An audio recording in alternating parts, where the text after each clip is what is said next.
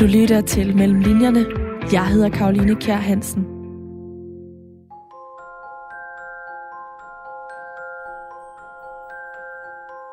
Det føltes som magi, da Mille Gore sidste år tog på research-tur til en kirkegård 25 minutter uden for London for at finde et helt bestemt gravsted. Så jeg tror, jeg gik rundt i måske to timer og var ved at opgive. Øhm, og nu lyder det, som om det er noget, jeg finder på. Det er det altså ikke. Men så, øhm, så tog jeg sådan en stikvej, som ikke var en af de der, man ville tænke, man skulle gå på. Og så var der en, en så fin solstråle, som ramte ned på bagsiden af en sten. Og så gik jeg om på den anden side, og så var det simpelthen der, de lå.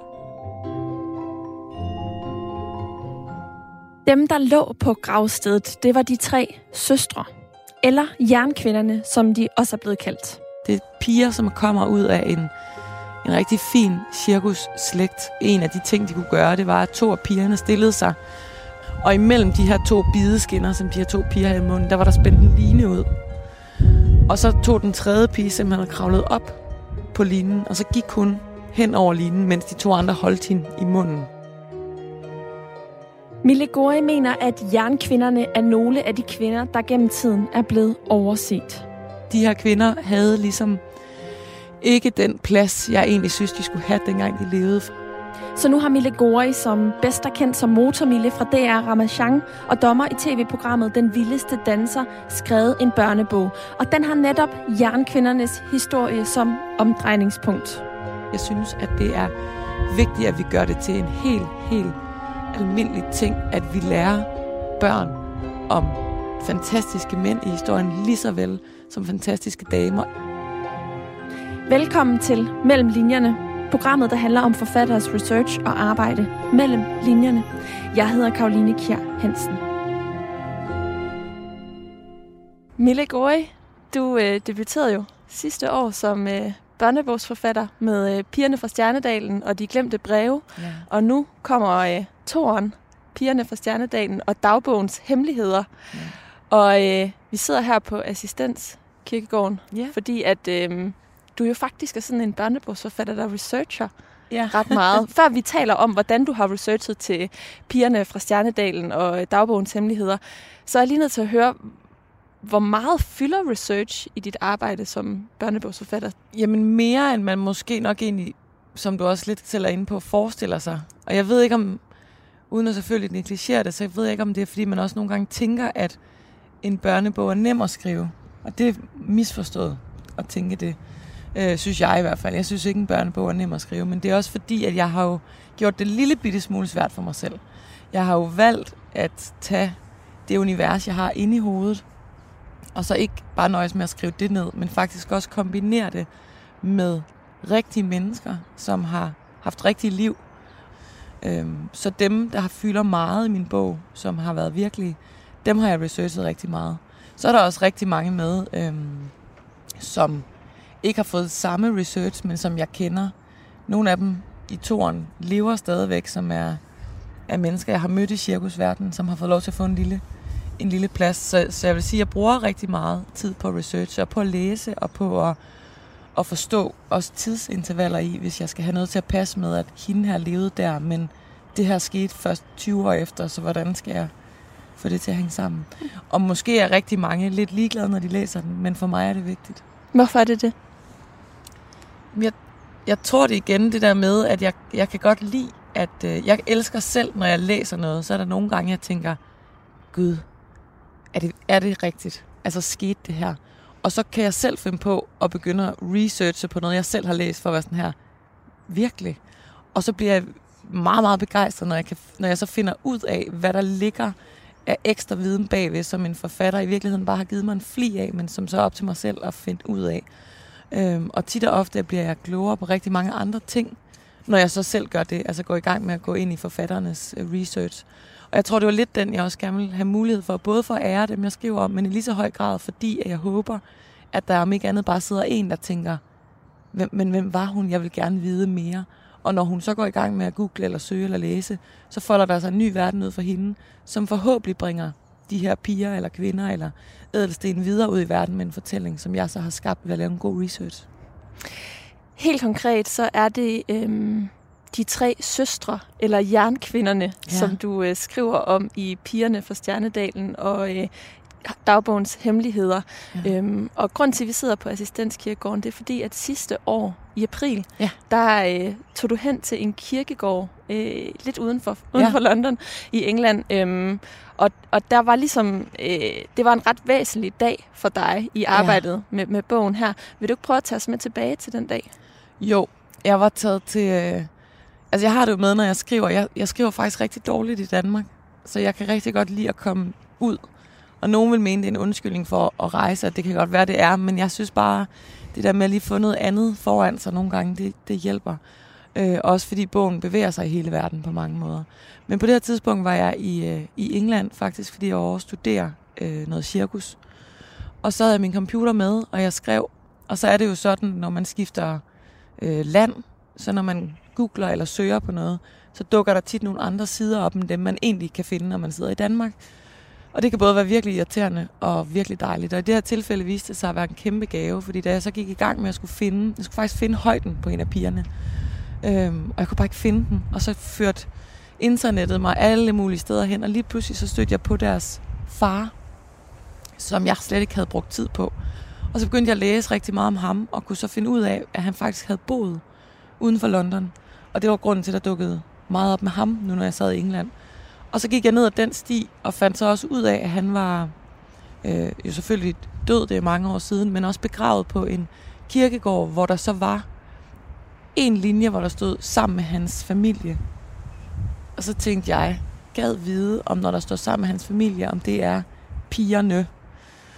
Og så gik jeg ned ad den vej i stedet for at prøve at ligesom finde ud af, om der var nogen, der havde skrevet noget om det. Og så var der faktisk en dame, der havde skrevet, at hun havde besøgt øh, mindesmærket og havde taget et billede af den her gravsten, som var en stor, rigtig fin gammel sten med en engel på toppen, øh, og fortalte, hvad kirkegården hed. Og så slog jeg kirkegården op, og så var den simpelthen 25 minutter fra, der hvor jeg sad og skrev. Og det startede jeg med at få lidt kuldegysning over, at jeg rent faktisk var så tæt på nogen, som jeg brugte så meget tid på. Og så besluttede jeg mig for, at det var en smuk, smuk, smuk solrig dag i april. Og så tog jeg hen til kirkegården med det eneste, jeg havde at gå efter, det var et billede af, af gravstenen. Og så ville skæbnen så, at øh, for det første var det en vanvittig smuk kirkegård. Øh, og alle stenene var for gammel tid, fordi man simpelthen var holdt op med, der bliver ikke begravet flere på den her kirkegård, så det er egentlig mere en park nu, hvor alt har fået lov til at vokse til, og alle blomster har fået lov til at være, som de nogle gange er. Og det gjorde det jo også meget, meget besværligt at finde den her, fordi ingen rigtig vidste. Alle havde lidt en engel, og nogen havde noget andet. Så jeg tror, jeg gik rundt i måske to timer og var ved at opgive. Øhm, og nu lyder det, som om det er noget, jeg finder på. Det er det altså ikke. Men så, øhm, så tog jeg sådan en stikvej, som ikke var en af de der, man ville tænke, man skulle gå på.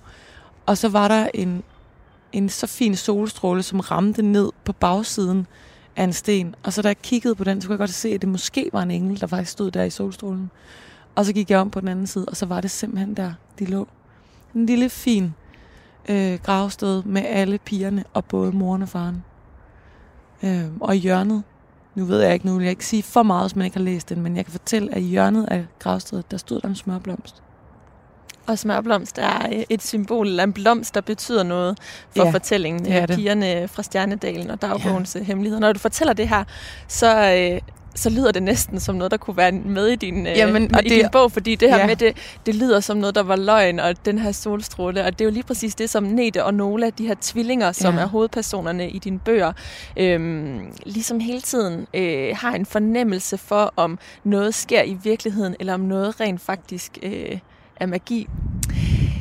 Pigerne, på, øh, som var begravet på kirkegården her, øh, 25 minutter uden for London, de blev også kaldt de tre søstre, eller jernkvinderne. Ja.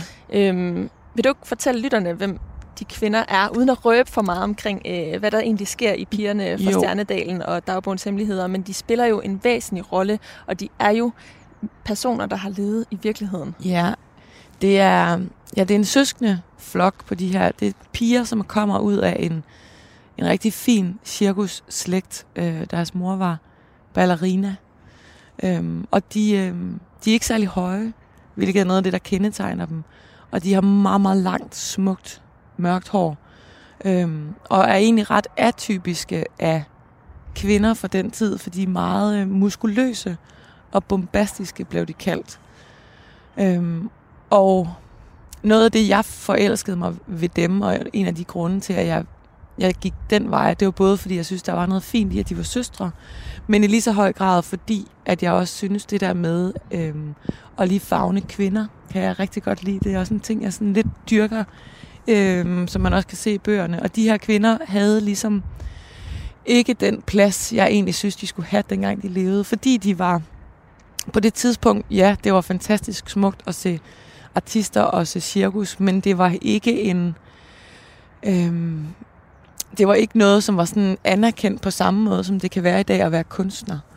Øhm, og som sagt, fordi de var meget, meget smukke, men de var også maskuline. Og det var heller ikke egentlig noget, som var ja, noget, man lige klappede hænderne af. Det var lidt anderledes, og måske også i virkeligheden ikke så tiltrækkende øhm, på mange måder. Og det var, det var grunden til, at jeg synes, de skulle have lidt mere plads. Og det de, det, de kunne, og det, de var mest kendt for, det var, at de ligesom lavede det her nummer, hvor en af de ting, de kunne gøre, det var, at to af pigerne stillede sig øh, på hver side af manesien, og så tog de en formstøbt ting i munden, som passede til deres bid. Og imellem de her to bideskinner, som de her to piger havde i munden, der var der spændt en line ud. Og så tog den tredje pige simpelthen og kravlede op på linen, og så gik hun hen over linen, mens de to andre holdt hende i munden. Øh, det var, Ej, det, det var helt vildt. Jamen, det var, og det var derfor, de blev kaldt jernkvinderne blandt andet, ikke? fordi de havde jerngrebet i kæben øhm, og var sindssygt stærke. Det var en af de ting, de gjorde. Øhm, de gjorde rigtig meget med at hænge i ting med munden. øh, og kravle rundt alle mulige steder, og, og også hænge under høje ting, hvor de hang i grebet i munden. Og man gør det stadigvæk den dag i dag. Jeg kender en del artister, som gør det. Og øh, det er jo stadigvæk lige så fascinerende. Det, altså det at se på det ser lige så farligt ud. Øhm, og de kvinder, jeg kender, der gør det den dag i dag, er absolut lige så stærke øh, og fantastisk smukke at se på, for det kræver altså en råstyrke. Hvornår stødte du selv på den her historie første gang? Det er ret mange år siden. Jeg har, um, altså jeg har jo altid elsket cirkus siden. Altså så længe jeg kan huske, har cirkus haft en kæmpe plads i mit liv, enten som fortællinger, eller som besøgende i cirkus, eller som i mine drømme, eller ved at læse om det. Så jeg har læst om cirkuspersonligheder og jo arbejdet og været så heldig at komme ind i, i den virkelige cirkusverden med de rigtige øh, cirkusser på den måde, jeg også har fået fortalt. Altså det er jo sådan med, man, man kender det måske fra familiekonstellationer, altså sidder man til en familiefrokost med sin familie, og så fortæller onklen om dengang han var lille, og bedstemoren som oldemoren, og så kender man den der, når man sidder i familiekonstellationer, og når man sidder i en sammen med folk, der kommer fra cirkus, som jo tit kommer rundt om, omkring fra hele verden, så er deres familie tit dem, der er i cirkus. Og det gør også, at de kan historier fra alle mulige steder, og fra gammel tid og fra ny tid, og kender hinanden på kryds og tværs.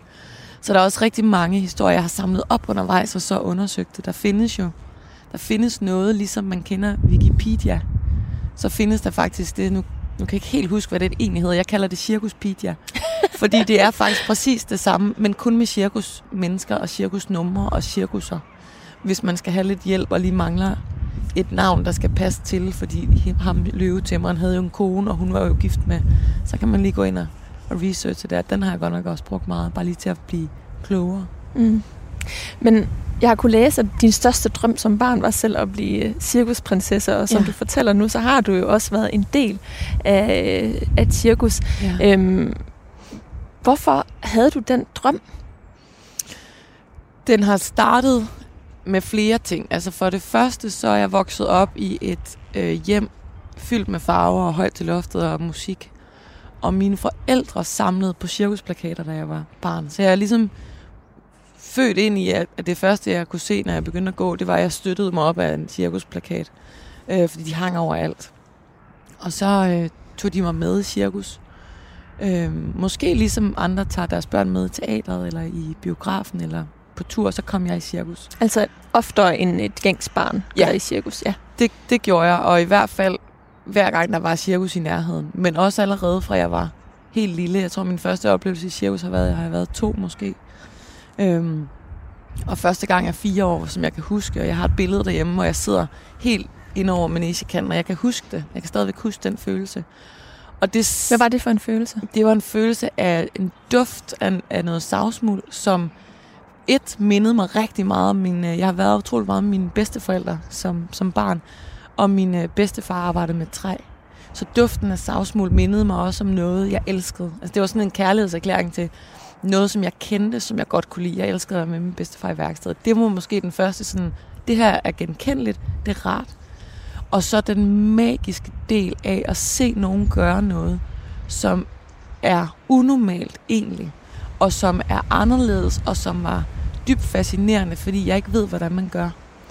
Øh, og jeg har altid været utrolig fascineret af mennesker, der gør noget, som er svært, men gør det med en sådan ynde og en glæde, og, og det at kunne se, hvor det så vildt farligt ud, når de svingede sig der, og alligevel så smilede de vildt meget. Så det har jo været noget, de elskede, og det fandt jeg jeg ja, både spændende, men også fascinerende. Og så synes jeg, fordi jeg også er en e-, eventyr. Jeg elsker eventyr, og jeg elsker øh, spontane ting og uforudsigelige ting. Det kan jeg rigtig godt lide. Lige så vel som jeg selvfølgelig også godt kan lide trygge rammer, men, men det andet tiltaler mig bare mere. Og når man ser sådan et cirkus, som ruller ind, slår et kæmpe telt op, og mennesker, der kommer ud af hver deres lille vogn, og går ind igen, og når man så kommer næste dag, så er de væk. Det er da et eventyr. Og det eventyr skulle jeg bare med på. Øh, så det var, det var der, hvor min fascination til det startede, tror jeg, og lysten til at være med. Jeg skulle med på det eventyr.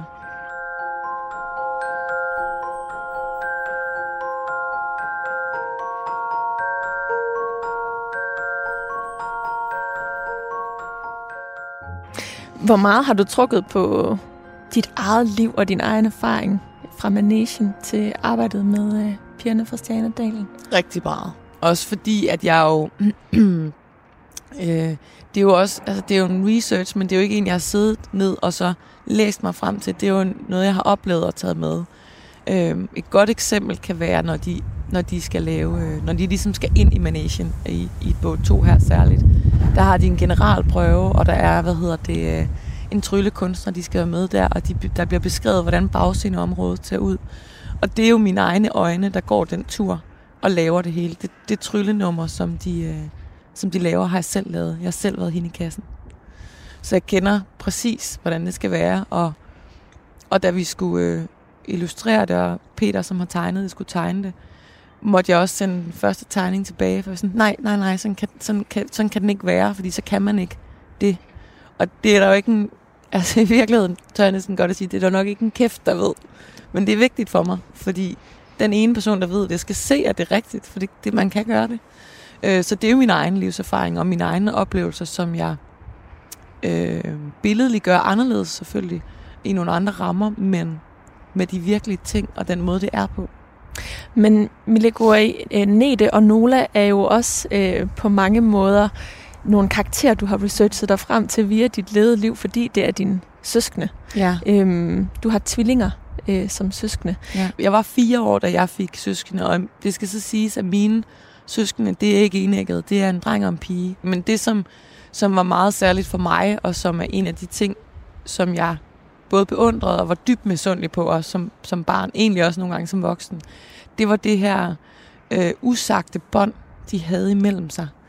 De kunne altid, den ene kunne gøre noget, og så, så var det som om den anden gjorde det, som der skulle gøres, men ingen af dem aftalte det. Og det samme, når de skulle lege, så kunne de bare gå i gang med noget, og så endte de det samme sted i lejen.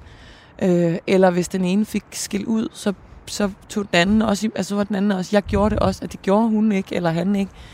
De var ligesom altid, ikke nødvendigvis enige, men de var enige om tingene alligevel. Øhm, og det har jeg jo, fordi jeg var fire, så er det klart, så har jeg jo været gammel nok, da de begyndte at, at lege og gøre ting, og ikke bare var baby-babyer, og observere det udefra. Øhm, så jeg har virkelig set meget på, hvordan tvillingesøskende gør ting, og lyttet meget til det, og har rigtig mange tvillinger omkring mig.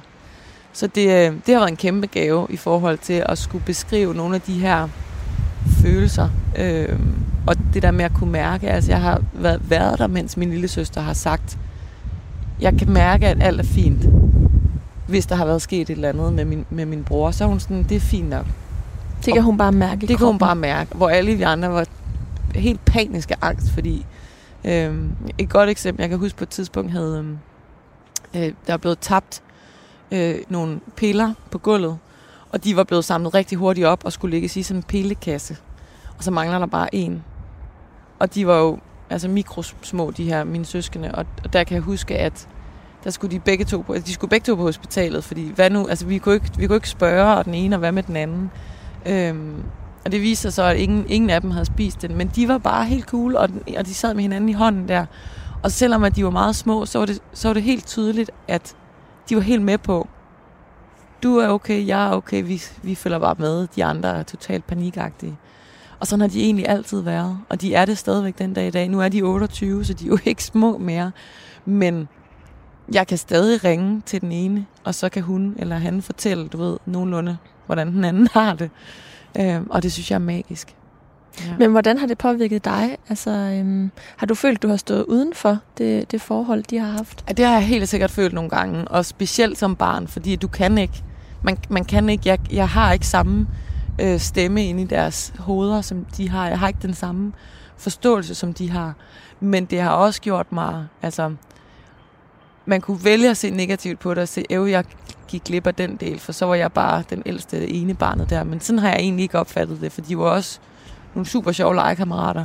Og omvendt så har det givet mig en øh, super stor um, selvstændighed at få mm. lov til at blive storsøster til, til tvillinger, fordi at, og nu er det jo bare mig selv, der siger, hvad jeg har oplevet, for jeg tror, det er meget forskelligt, men jeg oplevede jo, at hvis, jeg tror, hvis de, havde, hvis de var kommet som, altså med års, års mellemrum imellem dem, så havde vi jo været selvstændige børn, som var søskende. Men nu var der mig, og så var der to.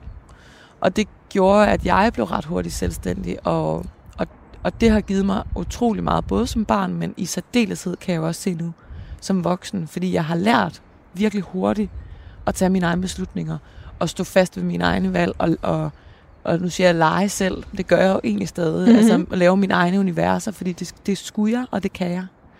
Øhm, så min fantasi er meget veludviklet, vil jeg sige. det får man i hvert fald også fornemmelsen af, når man læser uh, pigerne fra, uh, fra Stjernedalen. Men hvornår stod det egentlig klart for dig, at du skulle skabe det her univers med to tvillinger? Og, det, og jeg vil jo faktisk lige understrege, at det er ikke det eneste tvillingepar, der er i pigerne Nej. Øh, fra Stjernedalen. De har også øh, onkler, ja. som er tvillinger. Ja. Øhm, så, så søskende forhold og tvillinger i særdeleshed fylder jo rigtig meget i det her univers, som du har skabt med pigerne fra Stjernedalen. Ja. Jamen, der er flere grunde til, at det er sådan, det er skabt. Den, den ene grund er, at der er ligesom, man kan sige, hele universet har boet inde i mit hoved i mange, mange år. Og så har det, så er det vendt og drejet sig og forsvundet lidt, men det har ligesom boblet rundt derinde. Og egentlig ikke, øh, ikke med hovedpersoner. Det var mere universet og fortællingerne og, øh, og historierne og billederne. Men da jeg så ligesom gik i gang med at skulle, øh, skulle skabe dem, eller ja, det der skulle være hovedpersonerne i fortællingen, så kom jeg sådan til at tænke over et, at jeg, øh, jeg vidste, at det skulle være piger, fordi det var vigtigt for mig, at, at det skulle være det. Af, altså af flere grunde også. Både fordi jeg godt kan lide, jeg spejlede mig selv i stærke øh, kvindelige personligheder, da jeg var barn, og jeg vil gerne give den mulighed videre. Men jeg vil også gerne give muligheden videre for, at man som dreng ikke blev hægtet af. Øhm, hvad og mener du med det? Jeg mener, at jeg, um, at da jeg selv var barn og læste historier, hvor det var en pige, der var, der var hovedrollen, så synes jeg selv, at jeg enten fandt et godt eksempel kunne være Pippi Langstrømpe. Så fandt jeg Pippi Langstrømpe, og hende kunne jeg spejle mig i, fordi hun matchede min energi. Men der var også rigtig, rigtig mange enkeltstående hovedpersoner, som var piger, som var, og det er jo måske lidt politisk uret at sige, men som var meget pige-pige. Og det, jeg skulle bruge som barn, det var en en, som havde det hele. Jeg havde brug for, at hun både kunne være fin, men jeg skulle også have en, der var en bullerbasse. Øhm, og dem fandt jeg også, også i Ronja Røver, der, der var også, også et godt eksempel på noget, jeg spejlede mig i. Men, men jeg synes måske nogle gange, at det var svært. Og så tænkte jeg, at jeg vil, det vil jeg gerne kunne give, men, men jeg synes, det er svært at give nogle gange i et, et en person. Og så tænkte jeg, hvad hvis det nu er to hovedroller? Og så var jeg lidt ude, jamen skal det så være en dreng eller en pige? Og det synes jeg måske også var lidt klassisk at bare tage en dreng og en pige. Det er også lidt nemt. Det er også det, du kender fra dine egne søskende. Ja, og det er også øh, det, jeg tit har stødt på. Og så var jeg, var jeg faktisk lidt i gang med at kigge rundt, og så kunne jeg ikke rigtig finde... Jeg kunne ikke selv finde den bog med to enæggede piger, hvor, øh, hvor de fyldte. Så tænkte jeg, det er det, det skal være. Fordi jeg kan faktisk heller ikke huske, at jeg som barn fandt den bog, jeg kunne læse om tvillinger i. Øhm, og der er vildt mange tvillinger, og der er vildt mange som mig, der har søskende, der er tvillinger. Og det at være øh, tvilling kan også nogle gange være vildt hårdt, fordi du bliver sat i bås, som om at du er et menneske, men du er faktisk to. Og så tænker jeg, det er det, jeg gør.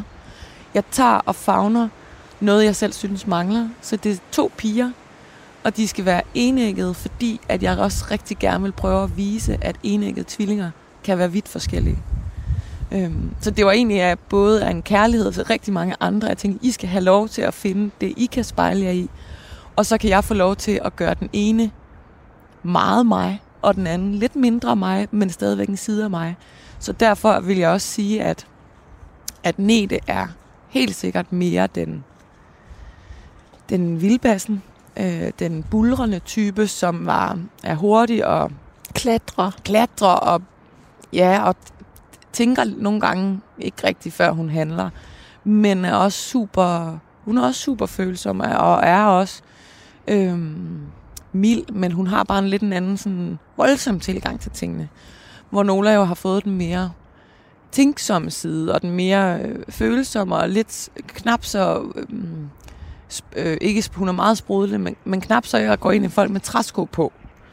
Øhm, og så har jeg jo så også givet dem muligheden for, at Neda er tit hende, der stiller spørgsmålet, og Nola, Nola er tit hende, der svarer på spørgsmålet, fordi hun lige sådan, nu finder vi lige ud af, hvad der er, er det mest smarte her. Men, øh, men den ene vil ikke være uden den anden, mm. og det vil jeg heller ikke selv. Altså jeg vil ikke, øh, jeg vil ikke være mig uden øh, den meget snaksalige side, og heller ikke uden den reflekterende side. Mm. Men hvordan øh, sikrer du, at øh, drengene ikke bliver hægtet af med at skabe de her to øh, øh, pigekarakterer, øh, mm. som du sagde lige før? At du også gerne vil, at de kan være med på historien? Det sikrer jeg jo selvfølgelig heller ikke. Jeg kan jo ikke garantere det, men jeg tror, min måde at tænke på er faktisk, at jeg har lavet være med at tænke det. Jeg har i stedet for valgt at bare være troværdig i det. Så i stedet for at forsøge at skrive en bog med nogle personer, som skal være, hov, nu skal jeg huske at gøre noget, som nogen vil tænke var drenget. Det, det synes jeg nemlig selv er forkert, og det er tit det, jeg selv er blevet træt af at læse. Det er, når noget bliver delt op, at noget er til piger, og noget er til drenge. Øhm, så jeg har faktisk bare valgt at gøre det ægte, og taget min, min egen... Øhm, min egen erfaringer med nogle af de ting, som jeg selv har mødt med. Det kan du, det, det er ikke en pige ting. Og så har jeg tænkt, at det fik jeg at vide, det var ikke en pige ting, men jeg gjorde det altså. Så det kan Nete og nogle også. Uden at jeg skal i talesæt, om det er hverken det ene eller det andet. Så jeg håber egentlig, at måden jeg i virkeligheden ikke hægter dem af på, men hægter dem på med, mm. er ved at, at give dem en to ægte piger, mm. som er børn og som er piger på godt og ondt, om de er så piger eller drenge, det er egentlig ligegyldigt. Mm. Det lyder jo næsten som om, at du med pigerne fra Stjernedalen har skabt et øh, børnebogsunivers, hvor du til en vis grad forsøger at gå op med nogle kønsstereotyper ja. øh, i børnebøger. Er det, er det rigtigt? Øh, jeg ved ikke, om, om det er også, fordi jeg føler næsten, at jeg tager for meget på mig ved at sige, mm-hmm. at jeg forsøger at gøre op med det, men det er helt men du har fald været bevidst om det, Jeg har været meget bevidst om, om det. det her. Så jeg, jeg har været sindssygt bevidst om det, og jeg har også været øh, utrolig bevidst om øh, mit valg af, at rigtig, rigtig mange af, af karaktererne, som er ud over de to piger, er kvinder. Fordi at jeg synes, de er blevet glemt mm. i mhm. historien. Øhm, og derfor har de fået en plads, fordi rigtig mange af... Altså en ting er, at jeg personligt selv synes, at rigtig mange vigtige kvinder er blevet glemt i historien og i de ting, de har formået.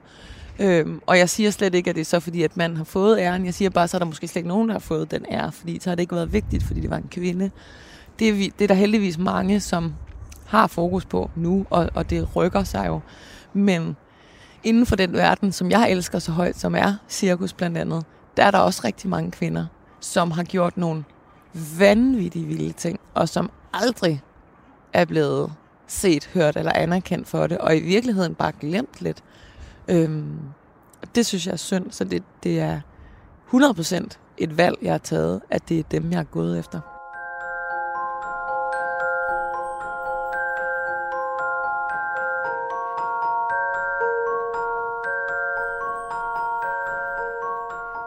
Det, det du gør med at skrive de her kvinder frem fra historien, er jo noget, vi har set øh, et stigende antal forfattere gøre, også ja. sidste år.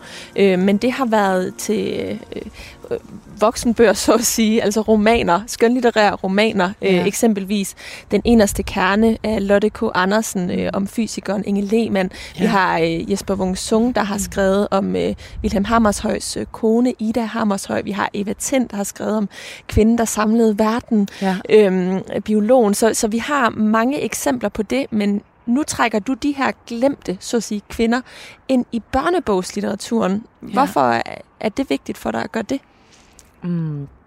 Jeg har en kæmpe kærlighed til børn. Det er vist ikke en hemmelighed. Og jeg tror, mit...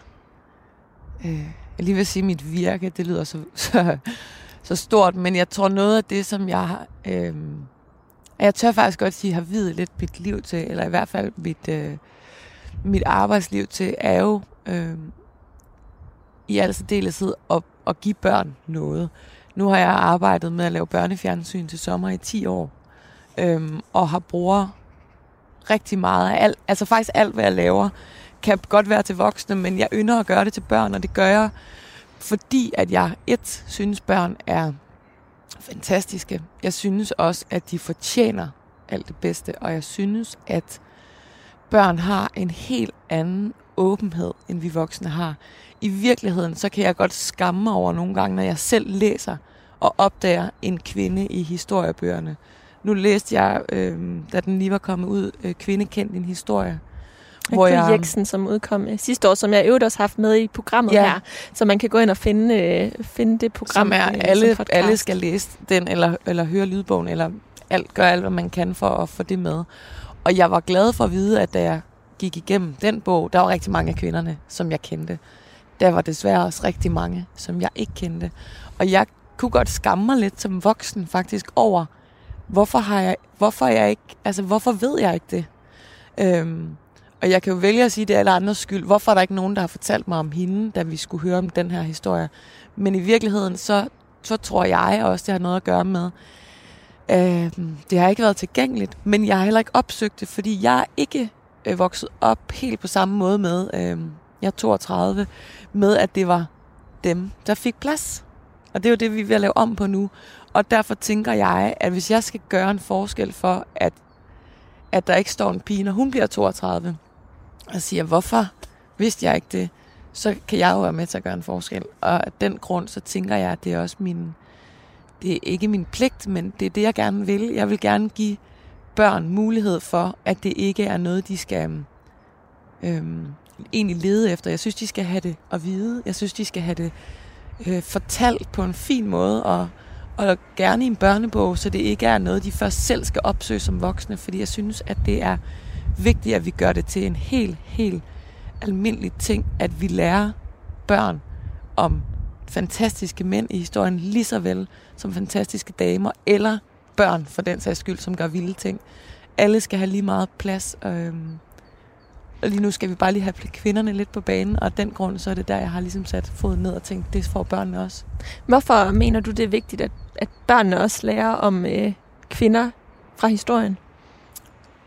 Jamen, jeg tror, det er lige så vigtigt for mig, som at børn også lærer at passe på verden. Jeg, jeg tror, øh, jeg tror på, at den generation af børn, der kommer nu, bliver meget klogere end alle os, der er eksisterende lige nu. Øh, både fordi, at vi er ved at lave om på rigtig mange ting, og der taler jeg både om måden, vi behandler hinanden på, måden man anerkender øh, mennesker på, måden man ser på verden på, og generelt rummelighed og forståelse øh, er en kæmpe stor ting i vores samfund lige nu. Og jeg, nogle gange synes jeg, det er... Jeg synes ikke, at man skal putte alt muligt ned over hovederne på børn, for der er også rigtig mange ting, som er for voldsomme til, de skal forholde sig til. Men jeg synes også, at det er en kæmpe fejl at tro, at man skal... At, og tror, at man beskytter børn ved ikke at fortælle dem de rigtige ting. Øhm, og det er jo også derfor, jeg blandt andet arbejder med at fortælle om, øh, om, at ikke alle børn i verden har det godt. Og det er ikke fordi, at jeg vil pege fingre af børn og sige, så nu skal du gå ud og samle to kroner ind og give til et fattigt barn i Afrika. Det er faktisk slet ikke den, den øh, sætning, jeg giver dem. Jeg fortæller dem bare, at der kan bo børn rundt i verden, som ikke går i skole, øh, og som ikke kan læse bøger, og som ikke øh, har mulighed for at få et, øh, et glas rent vand. Til gengæld så drømmer de om de samme ting, som man gør, hvis man går i skole og har tag over, over mm. hovedet. Så jeg vil egentlig bare gerne have, børn får lov til at få den samme sådan, forståelse, som vi jo gerne vil give dem, men som vi beskytter dem fra nogle gange. Og det samme med, med børnebøger. Jeg synes ikke, der er nogen grund til heller at, øh, at fortælle, at, at alt er muligt. Altså jeg synes, det er okay at fortælle, at, at nogle ting kan være vildt svært. Fordi det er vildt svært at være barn også nogle gange. Øh, og af den grund, så er det heller ikke en... Øh, det er heller ikke, fordi der ikke er nogen mænd med i min bog, jo, fordi de skal også have en plads. Mm. De har en fantastisk far, de her her piger. Så, så jeg tror egentlig bare, at sådan, det skal være der på samme vilkår som, om, som, som alt muligt andet. Øh, og børn fortjener at få muligheden for at høre om det, og ikke blive nøset fra og ikke at få lov til at selv tage stilling. For børn kan godt tage stilling, og børn har holdninger, og børn øh, mener ting, og det skal de faktisk have lov til. Mm. Vi har set, at øh, jo klogere vi er blevet, jo flere øh, har også fået det svært. Altså den her øgede mængde information øh, er ligesom sammenfaldende med et stigende antal øh, diagnoser, angst, stress, depression. Det gælder øh, voksne, og det gælder i den grad også børn. Øh, og nu siger du, at du mener, at øh, den her børnegeneration, den nulevende børnegeneration, bliver klogere end os. Øh, er der nogen fare for, at den her øh, øgede mængde viden er med til at generere de her øh, diagnoser, altså det, at man bliver klogere, gør, at man også bliver bange for, for, for verdens øh, far. Ja, ja det, det tror jeg da, men jeg tror også, altså, og det er jo igen helt på egen bane halvdel, fordi jeg har ikke på den måde øh, belæg for egentlig at vide det nok, men, men jeg kan også godt nogle gange tænke, at, at en af de grunde til, at der måske er flere, der får en diagnose på noget, eller man opdager flere ting, måske i virkeligheden i lige så høj grad har noget at gøre med, at vi faktisk fokuserer på det.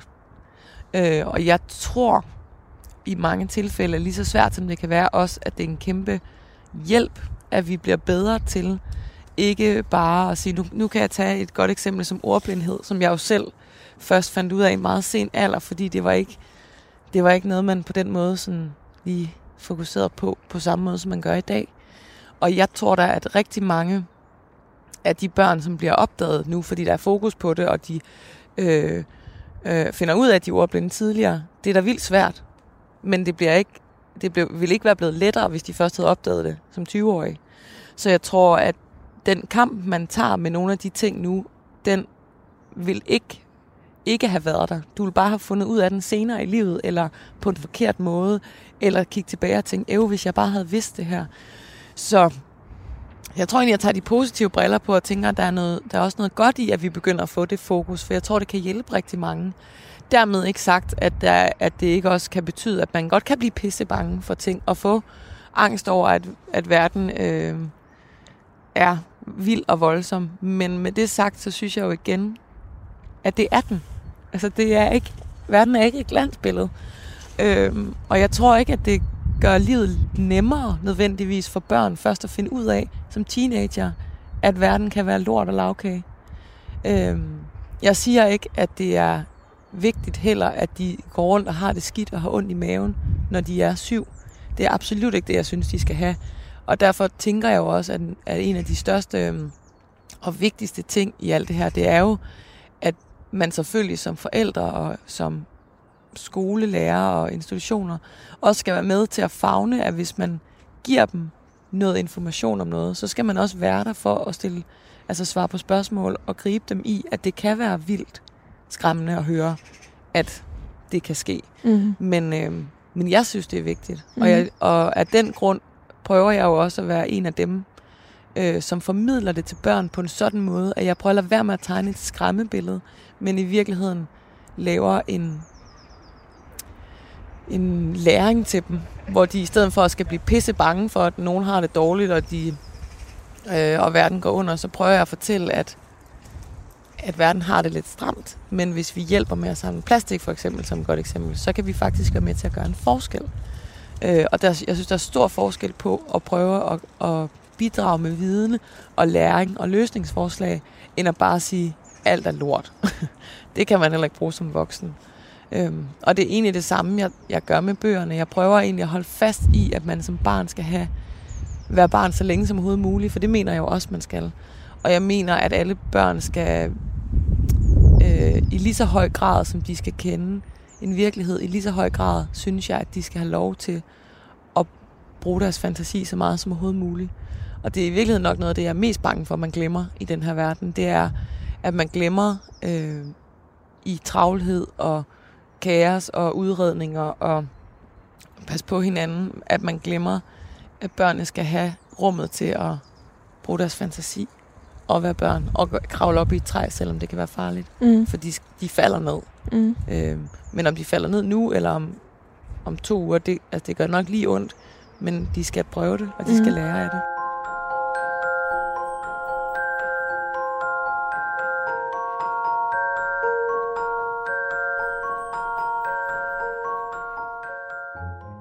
Nu nævner du selv det her med ordblindhed. Mm. Vil du ønske, at du havde fået at vide, at du var ordblind tidligere? Øhm, jeg lever lidt efter selv at tro på, at hvis jeg, hvis jeg ønskede, at jeg kunne ændre alt, der var sket i mit liv, så, så var jeg nok, altså, det, jeg ønsker ikke noget at ændre af det, der er sket, for jeg tror på, at jeg er den, jeg er, ud fra det, der er sket i mit liv. Men så nej, med mig selv vil jeg ikke ønske det, fordi så var jeg ikke den, jeg var i dag. Og jeg tror ikke, jeg havde skrevet en bog, hvis det var, jeg havde fundet ud af det tidligere, fordi det har været en af mine store øhm, ting, det var, at jeg fik at vide, at jeg aldrig kunne blive forfatter, for jeg kunne ikke stave.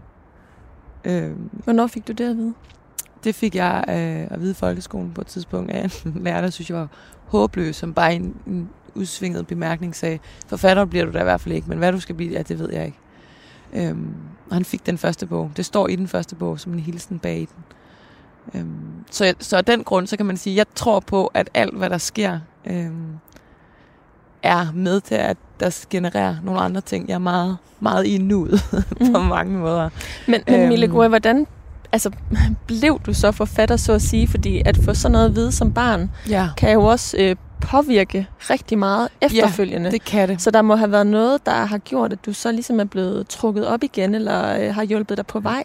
Ja, og det, og det er jo... Øh, og det er jo også i begge bøger, også i toren her, der, der står en hilsen til læseren bag bogen. Øhm, hvor at det, jeg skriver i den hilsen i begge bøger, er et opråb til, at personer, der har læst den, skal vide, at de er gode nok, som de er. Og de skal øh, forfølge deres drømme, så de kan få vinger. Og jeg tror, jeg var... Um, jeg har en sindssygt solid, stærk øh, kernefamilie. Jeg har den helt unormale familie med en mor og far, som stadig er gift, og som blev kærester, da de var 12 og 13. Øh, og som har haft en... Øh, opdraget mig helt fantastisk, og som har haft... Øh, givet mig alle de rigtige værktøjer til, at jeg faktisk med hånden på hjertet aldrig har tvivlet på mine egne drømme og på mig selv. Så jeg har aldrig følt, at jeg var forkert, selvom der var noget, jeg ikke kunne. Og jeg har aldrig øh, tænkt, at hvis der var noget, man ikke kunne, så var det noget, man aldrig kom til at kunne. Jeg har ligesom er opdraget til at tro på, at så kan man lære det, men at det kræver hårdt arbejde. Så at, af den grund, så var det ikke et, øh, det var ikke sådan en, Nå, så, så lader jeg være med at tro, jeg kan det, når han siger det. Jeg tror i virkeligheden, at det var benzin på et bål, som jeg ikke vidste var et bål, dengang jeg var barn, men som var det. Og sådan er det med rigtig mange ting. Jeg, altså, jeg tror også nogle gange, man tænker, når folk gør noget, som bliver anerkendt, som at skrive en bog, eller som jeg gør, at lave fjernsyn, som, som rigtig mange synes er fantastisk, så, så kan man godt nogle gange tænke, at det er walk in a park. Altså, det er jo, du gør det jo bare. Det gør man ikke. Jeg, jeg har stødt hovedet ind imod den væg, altså så mange gange, at jeg nogle gange har tænkt, om der overhovedet var et hul i væggen. Altså, det føles nogle gange, som om man står inde i bare en firkantet kasse og kommer ingen steder hen. Øhm, men så har jeg bare lært at kravle over, eller grave under. Fordi det har jeg fået med hjemmefra. Det er nogle værktøjer, jeg har fået med hjemmefra, og en vilje, styrke, som, øh, ja, som er ret unik, men, unik, men som, som jeg også kun har fået, fordi at jeg også har fået sandheden at vide nogle gange. Jeg har ikke fået at vide, at, at man bare, hvis man vil noget, så kan man bare gøre det. Det er ikke det, jeg har lært. Jeg har lært, at hvis man vil noget, så må du arbejde for det. Så må du dygtiggøre dig. Du må øve dig hver dag. Du må, øhm, du må finde ud af, hvad man gør, og så skal du gøre det og bruge tid på det. Så jeg tror, jeg tror, det er en kæmpe forskel. Jeg tror nemlig heller ikke, man skal sådan bare sige til børn, sådan, alt hvad du drømmer om er muligt i verden. Jo, det er det, men ikke hvis du bare sidder der på din flade røv og tænker, så venter jeg på, at det sker i morgen. Det gør det ikke. Det gør det ikke for nogen mennesker, medmindre man er den heldige ud af en million. Øh, så det er også et, øh, det er et hårdt arbejde for at være forældre. Nu er jeg jo ikke selv mor, jeg er bonusmor, men jeg føler når jeg har 10.000 børn, som er mine, fordi jeg møder så mange og har så mange. Så jeg vil også våge at påstå, uden at være hende moren, som er blevet vækket klokken 6 om morgenen og midt om natten og har skiftet lortebliver. Den har jeg ikke, den erfaring, men jeg har erfaring med børn. Og jeg ved, øh, hvordan de tænker. Og jeg vil også våge at påstå, at jeg ved, hvordan man bedst muligt i mange tilfælde giver dem en hjælpende hånd til at komme mm. i den mm. rigtige retning. Mm. Miligua, nu har vi talt om din research i øh, de tre søskende, eller ja. young-kvinderne. Vi har talt om øh, din research i øh, cirkusmiljøet, øh, eller dit eget levet liv. Mm.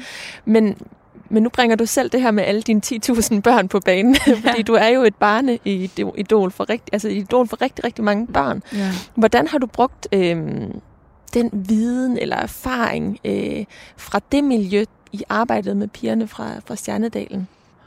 Øh, og formid- altså alt, hvad jeg laver til børn, har jeg meget, meget, meget stor respekt for. Fordi at jeg også synes, det er det sværeste publikum, men også det vigtigste. Så ja, der er jo en research i det, og en af de ting, jeg måske tager med, det er, at jeg jo øh, kvæg min, min, mit arbejde med så mange børn, jo møder virkelig mange børn, der stiller de her reflekterende spørgsmål. Og jeg synes, børn har en helt særlig, unik måde at se på ting i verden og stille spørgsmålet. Og noget af det, jeg bruger rigtig meget i i bogen, og den måde, jeg skriver på, mit sprog, øh, er jo et godt eksempel er, er det der med, at, de, at, at den ene af pigerne, hun ikke forstår, når hendes mor hele tiden siger, om vi lige skal tale om den elefant, der er i rummet. Det er jo noget, voksne tit gør. De taler tit i metaforer og i billedsprog, som er totalt mærkeligt for børn, fordi der er ikke nogen elefant ude i rummet. Øh, og hvordan fjerner man en elefant, der ikke er der? Og hvorfor har hun overhovedet puttet den derhen? Og den måde at tale på, og den måde at stille spørgsmål på, det er, det er helt sikkert både fra min egen hjerne, og den måde, jeg selv stiller spørgsmål på som barn. Men det er lige så høj grad fra den måde, jeg har mødt børn på, for det er tit det, de gør. De spørger tit om ting, øh, som er ret klogt spurgt, men hvor jeg sådan tænker, gud ja, det der, det der er et genialt spørgsmål mm. egentlig. Altså for eksempel et klassisk spørgsmål, jeg tit får, det er, hvordan gør du dig lille nok til at komme tilbage i fjernsynet? Og det er da et pissegodt spørgsmål. Fordi selvfølgelig er jeg jo, jeg er jo inde i deres fjernsyn. Og nu er jeg jo, står jeg jo så ved siden af. Så det der er super godt. Det er et relevant spørgsmål. Men som jeg Hvad svarer du så? Øh, jeg har forskellige svar. Altså jeg plejer at sige, at det gør ikke ondt, men det er lidt hårdt, fordi jeg, skal, altså, jeg bliver trykket lidt. Øh, og så er der sådan ligesom en lille rør, jeg skal ind igennem, og så får jeg heldigvis lov til at folde mig ud ind i fjernsynet, fordi mit fjernsyn er jo meget større end deres uh, skærm her. Hvilket også gør, at jeg kan se alle børn jo. Jeg kan aldrig høre, hvad de siger, men jeg ser jo alle børn, som kan se mig. Ja, selvfølgelig. øhm, og, og det er jo, nogen vil sige, at det er jo løgn. Jeg vil sige, nej, det er fantasi. Og jeg synes, der er kæmpe stor forskel på at sige noget af løgn og sige noget af fantasi. Øhm, det er lidt igen, også som en snak, man kan tage, fordi der er også mange, der vil mene, nu er børn store nok til, at de skal vide, at julemanden ikke findes. Men altså, julemanden findes. Og det mener jeg helt dybt seriøst. Altså, og så kan man sige, det mener du ikke. Jeg mener det dybt seriøst. Hvorfor gør du det? Fordi at jeg tror, man, man er nødt til at se på det med... Man kan se på det med en slags øjne, som er det rigtig mange voksne gør, der tænker, det er noget, vi har fortalt vores børn. Vi fik det fortalt, da vi var børn. Han findes ikke. Det er en opfundet figur til en grund. Jeg mener jo, at han findes måske ikke som øh, omvandrende mand, der går rundt. Jeg er ikke sikker på, at han findes som den mand, man beskriver ham som, men jeg vil våge at påstå, at der må findes en julemand, hvis man, hvis man ser på, at mere end altså er nærmest halvdelen af jordens befolkning en gang om året, som fædre, bedsteforældre, oldeforældre, søskende, klæder sig ud som den samme mand for at sprede glæde i nogle børns liv. Det er så magisk, at han findes. Øh, om end bare så som den magiske mand, der ikke er der. Så af den grund siger jeg, at han findes. Ligesom tandfeen. påskeharen. Påskeharen ved jeg så ikke rigtigt, men den findes jo af en grund, for ellers ville vi jo ikke grund at lægge æg til vores børn. Og jeg tror, det er det, der er min forskel, det er, at jeg sidder ikke og siger, at der hopper en hare rundt, øh, og som lægger æg. Jeg siger bare, at påskeharen findes, om det så er i en ægte hare, det tror jeg ikke nødvendigvis selv, men den magiske del af det findes, og det kan godt være, at den så kun findes, fordi jeg har en fantasi, der gør, at den findes. Og fair and square. Jeg siger ikke, at alle behøver at synes det. Jeg tror bare på det, og jeg tror på, at det er den, man skal give videre til børn. Det er, at, at det kan godt være, at det ikke er det håndgribelige, der findes altid. Og det er det samme med drømme. Du kan ikke gribe den, du kan ikke røre ved en drøm, men den findes jo stadigvæk, selvom du kan røre ved den. Øhm, så du og, køber ind på, at noget godt kan være abstrakt? abstrakt? Ja, og det, og det synes jeg er pisse vigtigt. Altså, og jeg tror, det er den grund, man også skal forstå tingene på. Altså, det synes jeg jo er en, en ting. Øhm, og og det, julemanden er bare et godt eksempel, for jeg siger ikke, at du nogensinde fanger julemanden. Jeg siger bare, at han findes, for ellers vil du ikke Øh, ellers vil alle mennesker ikke gøre det, de gør, og ellers vil magien ved det, at han kommer, ikke være rigtig. Lige så vel som at, hvis du ikke tror på den drøm, du ikke kan røre ved, så bliver den aldrig rigtig. Du kommer aldrig til at opnå det, du drømmer om, hvis du ikke tror på det. Så det går lidt igen. Og det samme, det samme med, med, med bøgerne, hvor, hvor jeg siger, at du er perfekt, som du er. Hvis du bliver ved med at gå rundt og sige til dig selv, at jeg er dårlig, jeg er dårlig, jeg er dårlig, så er du dårlig. Altså, du kan aldrig blive god, hvis du selv bliver ved med at sige, at du er dårlig. Og hvis du ikke selv kan finde ud af at sige, at du er god, så må der være en som mig, der siger det til dig. Fordi vi er alle sammen gode. Måske ikke til alt, men i hvert fald til noget. Mm. Og det var øhm. dine forældre, der sagde det til dig? Ja. Ja, altså, og de har aldrig, det er ikke fordi min mor går rundt og sagt, du er god til alt, du er god til alt. Det er slet ikke det. Er slet ikke det. Hun har faktisk været rigtig god til at sige, det er du virkelig dårlig til, det tror jeg, vi skal øve på. Mm.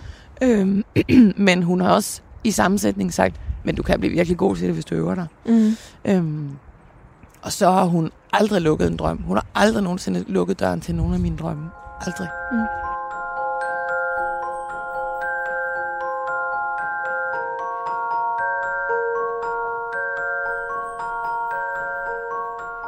Mille Gård, nu sidder vi jo på Assistenskirkegården her i, øh, mm. i København, hvor blandt andet øh, H.C. Andersen ligger begravet. Ja. Øh, hvem har du ligesom tydet til øh, for at øve dig til at, øh, på at blive en god forfatter? Altså i forhold til, at det jo også er et eventyr, du skriver frem, og du insisterer ja. på, på eventyr. Og H.C. Andersen er jo om nogen en, der var god til at, at skrive eventyr. Ja, altså Astrid Lindgren er jo nok min største favorit. Det må jeg bare sige. Jeg elsker Astrid Lindgren, og det gør jeg også. Øh, vi har virkelig fået du på besøg.